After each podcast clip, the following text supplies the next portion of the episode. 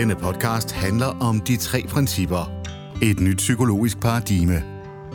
Her deler psykolog Anne Stærk Dickinson og psykoterapeut Belinda Duncan deres erfaringer med, hvordan en ny og enklere forståelse af vores menneskelige sind kan give mere lethed og glæde i livet. Du vil opdage, at der altid er håb.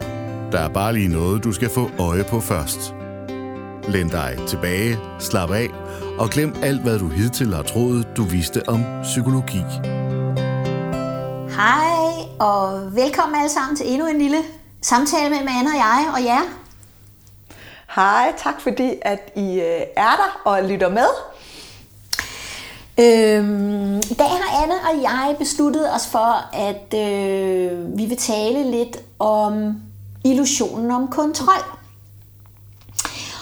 Og egentlig kom det så af, at øh, vi havde en, en, en snak omkring, øh, Anna og jeg sidder tit og, og, og deler lidt øh, og sparer med hinanden, og jeg sad og, øh, og fortalte Anne om, om en oplevelse, jeg havde med en klient den anden dag. Og vi nævner lige igen, bare for en god ordens skyld, at vi har på en eller anden måde altid øh, øh, trukket noget fra, eller lagt noget til og sløret folks identitet, eller taget noget fra flere forskellige klienter og lagt sammen, som giver mening, fordi vi jo selvfølgelig har tavshedspligt og ikke sidder og udleverer vores klienter. Så der er ingen af de historier, vi sidder og fortæller, der, der kan genkendes af, af de klienter, som, øh, som måske har været en del af noget af det. Øhm, men men øh, det, det vi sidder og talte om, det var, at... Øh, at jeg den anden dag havde en, øh, en samtale med en klient, som har været hos mig for nogle år siden, og, øh, og nu havde jeg brug for et par samtaler igen. Øh, og det havde hun, fordi at hun, øh, hun havde en oplevelse af, at, at hun, hendes angst på en eller anden måde var kommet igen, og det kunne hun ikke rigtig forstå, fordi der var ikke noget sådan umiddelbart i hendes liv, der havde ændret sig, og der var ikke nogen sådan store traumer eller kriser, der var, der var kommet forbi, så, så det gav ikke rigtig nogen mening for hende. Øh, hun havde jo tænkt rigtig meget over, hvorfor det var sådan, selvfølgelig, men hun var ikke rigtig kommet frem til noget resultat.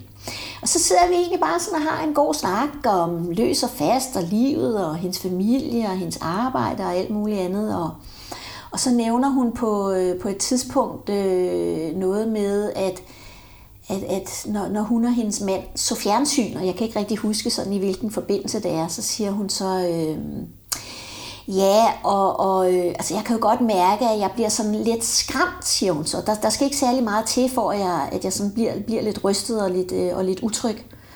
Og så beder jeg hende sådan om at, at fortælle lidt mere om det. Så siger hun så, øh, jamen for eksempel når vi sidder og ser et eller andet fjernsyn, vi ser en film eller en tv-serie, så er jeg sådan meget opmærksom på, at, at der er mange ting, jeg slet ikke ser.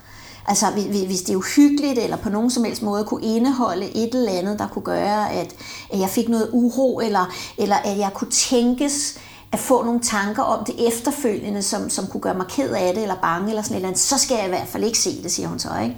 Så hun havde sådan meget øh, stærkt fokus på det her med, hvad, hvad hun ligesom kunne se, hvad hun kunne klare, og hvad hun i hvert fald ikke kunne klare. Og så spørger jeg lidt mere ind til det, og så, så siger hun sådan på et tidspunkt, ja, så når vi sidder og ser fjernsyn, min mænd og jeg, så er det altid mig, der sidder med fjernbetjeningen i hånden.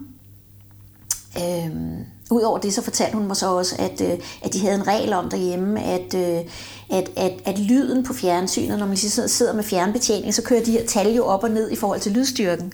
Og en ting, de i hvert fald var meget enige om hjemme hos dem, det var, at lyden ikke måtte stå på et ulige tal.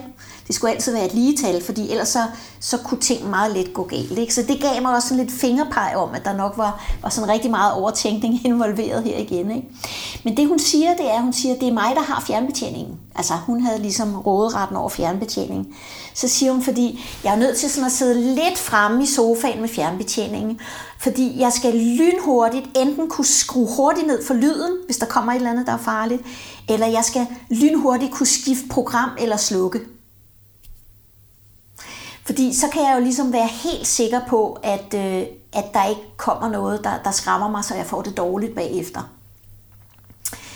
Og det, der jo så gik op for, for hende i løbet af den her samtale, det var, jeg spurgte sådan lidt ind til, hvordan hun sådan havde det, når de så så, så fjernsyn. Om det sådan var sådan en afslappet og rolig følelse, sådan tilbagelænet følelse. Og så siger hun så, øh, nej, nej, nej, det var det jo ikke, fordi det kunne det jo ikke være, for hun var jo nødt til ligesom at have kontrol. Hun var jo nødt til det hele tiden at, at overvåge og monitorere alt, hvad der var på skærmen, så hun kunne nå at reagere. Og så spørger jeg bare sådan lidt uskyldigt, så siger jeg, men men hvordan, hvordan opleves det sådan inden i, altså når, når du sidder der Og så sad hun sådan lidt og tænkte over, så siger hun, jamen det er jo egentlig ikke så afslappende, altså jeg, jeg, jeg føler mig faktisk lidt urolig og anspændt. Og så sagde jeg til hende, ja lige præcis, ikke også? Fordi hele dit system, i stedet for bare at se fjernsyn, og, og ligesom tage det, der nu engang kommer, og så kan det da godt være, at man tænker, det er kedeligt, eller det er måske lige overkanten det der, det har jeg faktisk ikke lyst til at se, og så kan man slukke eller sappe væk eller sådan noget, så er hele dit system i konstant alarmberedskab, fordi du ligesom hele tiden øh, skal overvåge det, der foregår. Ikke? Og det gav bare enormt, meget, enormt god mening for hende, at, at det hun jo i virkeligheden havde gjort for at beskytte sig selv, for at, at prøve at skabe kontrol og illusionen om faktisk at kunne være i ro, faktisk var en ting, der egentlig gjorde hende mere urolig og mere usikker og mere utryg. Og det er jo sådan, det er tit og ofte med de her strategier, vi bruger for at forsøge at skabe kontrol i en verden, som vi jo dybest set ikke kan kontrollere.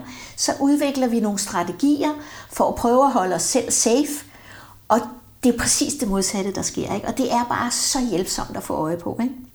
Så det hun nu skulle lave forsøg med, altså bare forsøgsvis, det var bare at lade fjernbetjeningen ligge på bordet, og i virkeligheden bare slappe af og trække vejret. Og hvis der så kom et eller andet, altså, så kunne hun jo tage stilling til det, i stedet for at sidde helt fremme i sofaen hele tiden. Ikke? Ja. Det, det, øh, det er sjovt, fordi når du fortæller, Belinda, så, går det, så, så tænker jeg, at det hun forsøger er jo at undgå bestemte tanker i virkeligheden. Tanker, som hun synes er ubehagelige. Men, men for at undgå det, så skaber hun ubehagelige tanker. Så hun skaber den her uro, som hun på en måde er bange for. Og det, det tror jeg, det er det, vi kommer til, alle, med, alle sammen. Så det, det giver jo god mening. Og, og det, det, det lige minder mig om, det er det der med, at vi kan forsøge, vi kan have skabt en illusion om kontrol, for at hvis jeg gør det her, så undgår jeg noget ubehageligt. Så det er jo i virkeligheden det, den her øh, kvinde har gjort. Der, hvis jeg har styr på det her, det her, det her, så undgår jeg at få det dårligt bagefter. Så vi kan skabe øh, strategier, øh, som vi tror hjælper os med at undgå noget ubehageligt. I virkeligheden skaber det mere det ubehagelige, vi ikke vil have. Men, men vi har en idé om, at, at hvis jeg har kontrol her, så undgår jeg noget. Og, og, og det andet er som vi, en, en anden slags illusion, som er det samme i virkeligheden, det er illusionen om at kunne, øhm, kunne styre, hvornår man får noget godt. Og, øh, og jeg kom bare til at tænke på, at, at det er noget af det, der er gået op for mig, hvor, hvor tit jeg har prøvet at styre noget bestemt her i livet, fordi jeg så havde en idé om, hvis jeg gør det, så får jeg ro på derude. Altså, så jeg har skabt et billede inde i mit hoved om, hvis jeg gør det, jeg gør det, jeg gør det, så får jeg ro på der. Og, og det jeg kan se, det er, jeg, jeg snakkede med en klient om, nu sagde det er lidt ligesom, man har sådan en gulerod, der hænger ud en meter foran sig i livet, og så jagter man bare den gulerod, fordi den vil man gerne have. Og det, det er lidt den oplevelse, jeg har fået i forhold til det der med at have illusionen om, om ro, eller illusionen om at kunne styre, hvornår jeg får ro, at, at jeg har forsøgt virkelig, jeg har virkelig brugt mange strategier for at få den gulerod der. Og, øh, og et eksempel på det, hvor jeg kan huske, at jeg fik en, øhm, en indsigt øh, det var, at jeg, jeg kan huske, at vi, jeg gik rundt herhjemme. Det er faktisk noget tid siden. Et år, halvandet, to, et eller andet. Det er noget tid siden. Men, men jeg, øh, vi, alt var dejligt. Vi havde det, der var sådan, jeg havde ro på, jeg havde overskud, og min, min søn var hjemme. Han, min, min datter var ikke hjemme. Og han havde en kammerat på besøg. Og så kommer de og spørger, om, øh, om kammeraten må blive at spise. Og jeg er sådan, ja, det er fint, og sådan noget, det må han gerne, og sådan, de, de hygger sig helt vildt. Og så, så sker der det op i mit hoved, der jeg har det jo rart og dejligt, men det vil jeg gerne blive ved med at have. Så tænker jeg, okay, hvis vi spiser lidt tidligt, så, øhm, så kan vi også nå at slappe af bagefter. Så, så kan vi øh, have kammeraterne, og det var virkelig hyggeligt, men så kan han spise, og så kan han også tage hjem, og så er der lige lidt øh, pause og ro til os. Og det, øhm, den, det tænker jeg, ah, det, det tager jeg. Og så, øhm, så sker der det, at solen skinnede, og, øh, og vi havde god tid, og så tænkte jeg, ej, jeg kunne egentlig godt tænke mig lige at løbe 5 km. Bare sådan lige ud. Og så, og så, øhm, så er det det, men det konflikter jo lidt med, at jeg skal lave tidlig aftensmad. så går jeg ind til min mand og siger, Mikkel, øhm, gider du gå i, hvis jeg lige løber 5 km, gider du så gå i gang med, med at lave aftensmad, så vi kan spise lidt tidligt? Ja, ja, det, det skulle han nok dejligt, og jeg tager limtøj på og kommer ud i solskinnet og løber, og det er rigtig dejligt. Og så kommer jeg hjem, og så går jeg forbi vores køkkenvinduer, da jeg kommer hjem, og så kigger jeg ind, og der sker ingenting i vores køkken. ikke gør noget som helst. Og, og så lige der, så, så opstår der inde i mig, ej Mikkel, så bliver jeg jo sur, så bliver jeg sådan lige, fordi han havde jo lovet, og nu, vi skulle jo i gang med aftensmaden, og nu har vi ikke, nu har vi ikke, nu har han ikke fået lavet den, så vi kan spise tidligt, så jeg kan få ro på. Ikke? Og, så, og så på vej ind, så tænker jeg sådan, det, det, er egentlig, det er egentlig en sjov konstruktion, jeg har lavet i mit hoved. Altså det virker jo meget meningsfuldt, men lige pludselig skal jeg bare sådan sige, what? Og så går det sådan op for mig, øhm, jeg er virkelig godt gift, og jeg er virkelig glad for min mand, og han er virkelig sød til at gøre mange ting, så det skal jeg sådan se, altså han er, grund til, at han ikke står ude i det køkken, det er jo fordi, han har lavet en anden, et andet manuskript i hans hoved, han har lige glemt det, eller sådan, og, og det er der jo egentlig ikke noget galt i. Og så kan man sige sådan, Nå, han, han, han er bare, så kommer jeg ind og råber hej, og han råber hej, og jeg kan se, han, han er optaget noget andet. Og, og så kan man selvfølgelig sige, hvis det virkelig var vigtigt for mig med den aftensmad, så kunne jeg jo godt sige til ham, det var virkelig træls det der. Men jeg kunne lige pludselig se, at det er overhovedet ikke vigtigt. Hvorfor? Hvad er det egentlig for en, en idé, jeg har skabt, en konstruktion, jeg har skabt i mit hoved om, at vi skulle spise tidligt? Siger hvem? Altså min mand sidder og har det godt, min dreng leger med en god kammerat, og jeg har lige været ude at løbe. Hvad er det, der skal ske hurtigt, for at jeg kan komme hen til noget? Det var sådan, det, og det er sjovt, at det, det var sådan, lige der blev det tydeligt for mig, det er bare en idé, jeg har lavet op i mit hoved. Det er et forsøg på at, at kontrollere, hvornår jeg har ro. Og, og i virkeligheden, i jagten på den ro, så kunne jeg komme til at skabe en masse uro og ville have Mikkel til at gøre noget, jeg ville selv gøre noget og sådan noget.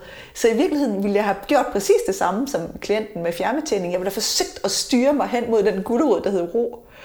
Og da jeg opdagede det, så tænkte jeg, at jeg kan egentlig også bare nyde det, at jeg har ro. Og så tog jeg et bad, og så, så gik jeg i gang med at lave aftensmad, og vi spiste på ingen måde tidligt.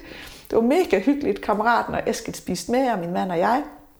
Og så, øh, så blev kammeraten jo et hængende, fordi de hyggede sig sådan. Så det gik og nullede, hvad de skulle gøre. Og jeg sad der og havde god tid. Men det var ikke den plan, jeg havde lavet i mit hoved, men det, det var bare så pudsigt det der med, hvad, hvordan tanker kan skabe en illusion om, hvis jeg gør det, så sker det her. Og den illusion kan virke meget, meget virkelig, indtil vi får øje på, at den ingen mening giver. I den podcast, du lytter til, tager psykoterapeut Belinda Duncan og psykolog Anne Stærk Dickinson dig med på en guided tur og peger dig i retningen af din naturlige indbyggede ro, glæde og psykiske sundhed.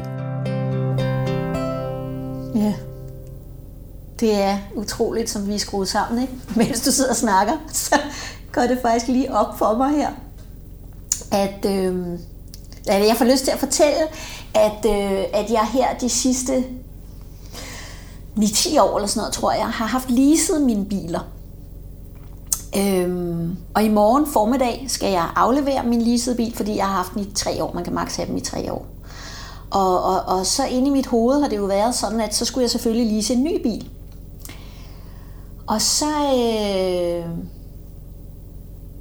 er der en af mine svigersønner, der sådan pludselig siger til mig sådan lidt nysgerrigt en dag, så siger han, hvorfor, hvorfor er det egentlig, Belinda, at du altid leaser dine biler? Altså, hvorfor, hvorfor, hvorfor køber du ikke bare en bil? Altså, er det ikke lidt for dyrt? Fordi det er jo ikke sådan store Mercedes eller sådan noget, du, du leaser. Altså, jeg troede faktisk, at, at det, var, det var dyrere, når man leasede små biler, du ved. Det kan, det, er der ikke noget med, at det kan da ikke rigtig betale sig? Det har jeg jo aldrig tænkt over. Og da han siger det, jeg beklager meget, hvis der er en lyd her i baggrunden, men det er min vaskemaskine, der centrifugerer. Det har jeg ikke lige haft kontrol over. meget apropos.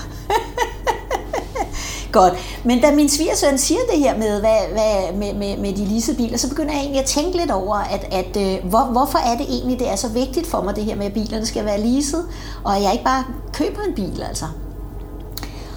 Og det, der går op for mig, det er, at dengang, jeg, var, jeg har været enlig mor i, i rigtig mange år, da mine børn var, var mindre, der var jeg alene med dem i 10 år. Øh, og min største skræk hver morgen, når vi satte os ud i bilen, når jeg skulle køre børnene ud i lilleskolen, det var, at bilen ikke startede. Altså, at der var noget galt med den. Og, og hvis der var den mindste lyd, så blev jeg utrolig urolig og nervøs, og ej gud, hvad er det nu? Og det er garanteret noget, der koster mange penge, og nogle gange så var det en eller anden lille møtrik, eller en eller anden lille gummipakning, eller sådan et eller andet, ikke? Altså, som ikke kostede noget som helst. Men det var hele tiden den her illusion om, eller, eller tanke om, at der skulle være et eller andet galt med bilen, som kom til at koste rigtig mange penge, og det havde jeg i min, altså, i min optik ikke råd til på daværende tidspunkt. Ikke? Og da mit liv så ændrede sig, og jeg blev selvstændig, jeg begyndte at tjene nogle flere penge, så besluttede jeg mig ligesom for, at nu var det simpelthen slut med det her, med den her uro over de her biler, der bare kunne gå i stykker, og det var jo fuldstændig uforudset og ukontrollerbart. Og jeg orkede simpelthen ikke at have den her følelse hver morgen mere, når jeg satte mig ud i bilen og tænkte, åh oh nej, hvad nu hvis den ikke starter, eller hvad nu hvis der er noget galt, eller et eller andet. Ikke? Og specielt om vinteren havde jeg rigtig mange tanker omkring det. Og min strategi for at forsøge at skabe kontrol, og ikke have den følelse, det var jo, det løser jeg da bare ved at lise, fordi så er det jo aldrig mit problem, fordi så er det ligesom inklusiv i leasingaftalen, at uanset hvad der sker, medmindre det er noget med dækkene eller et eller andet, ikke, så er det inklusiv i de penge, man betaler hver måned. Ikke? Og det har jeg kunne læne mig tilbage i de sidste 9-10 år. Ikke? Indtil min svigersøn stiller det der spørgsmål, og jeg tænker, ja, hvad er det egentlig det her? Ikke? Og så går det jo op for mig, at jeg faktisk har brugt rigtig mange penge på at lease biler, som i virkeligheden har været penge lige ud af vinduet, for at undgå en følelse. Ikke? Og det er jo alt sammen op i mit hoved, det foregår. Fordi ja, det kan da godt være, at bilen kan gå, gå i stykker. Men det kan jeg ikke regne ud. Det kan også være, at den aldrig går i stykker. Det ved jeg ikke noget om.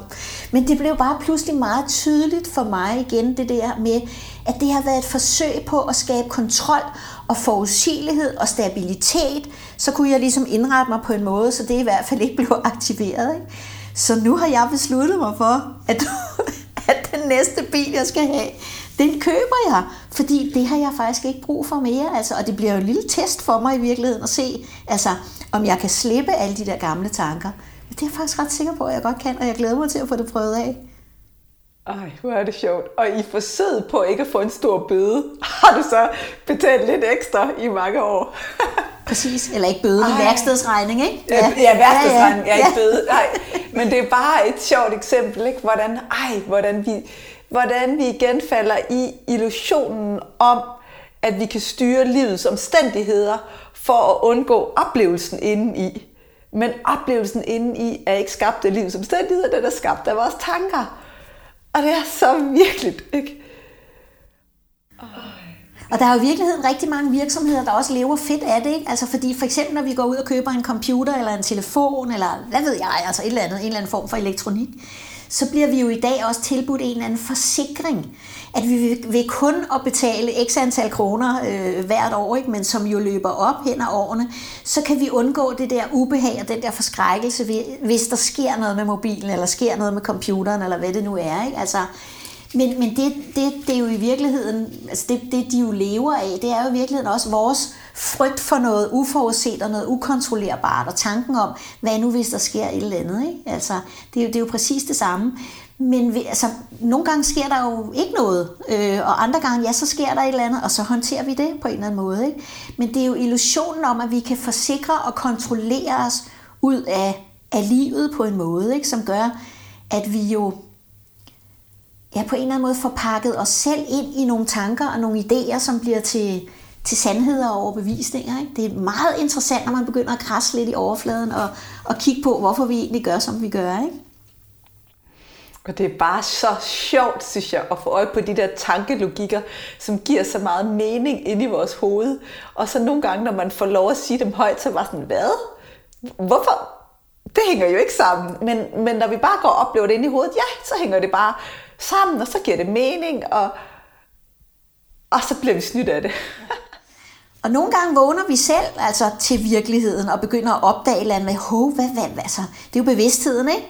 Altså, hvad, hvad er det egentlig, der foregår her? Hvad er det, jeg har gang i? Hvorfor gør jeg, som jeg gør? Og andre gange er der nogle andre, der pludselig kigger på en sådan lidt undrende og sådan, jamen hvorfor, du ved ikke, altså, når, og så siger vi som den største selvfølgelighed, når, når det gør jeg jo fordi, ikke?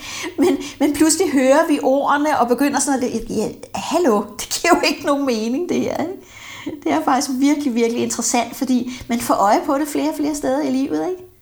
Det er meget spændende. Det er så sjovt.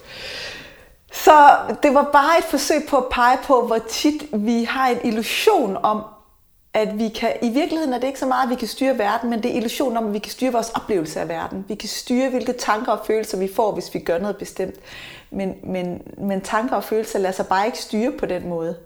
Øhm, og det er bare på en måde befriende at få øje på, fordi så slipper vi forsøget på at få kontrol, og det er egentlig den frihed, at, øhm, at den gode følelse ligger.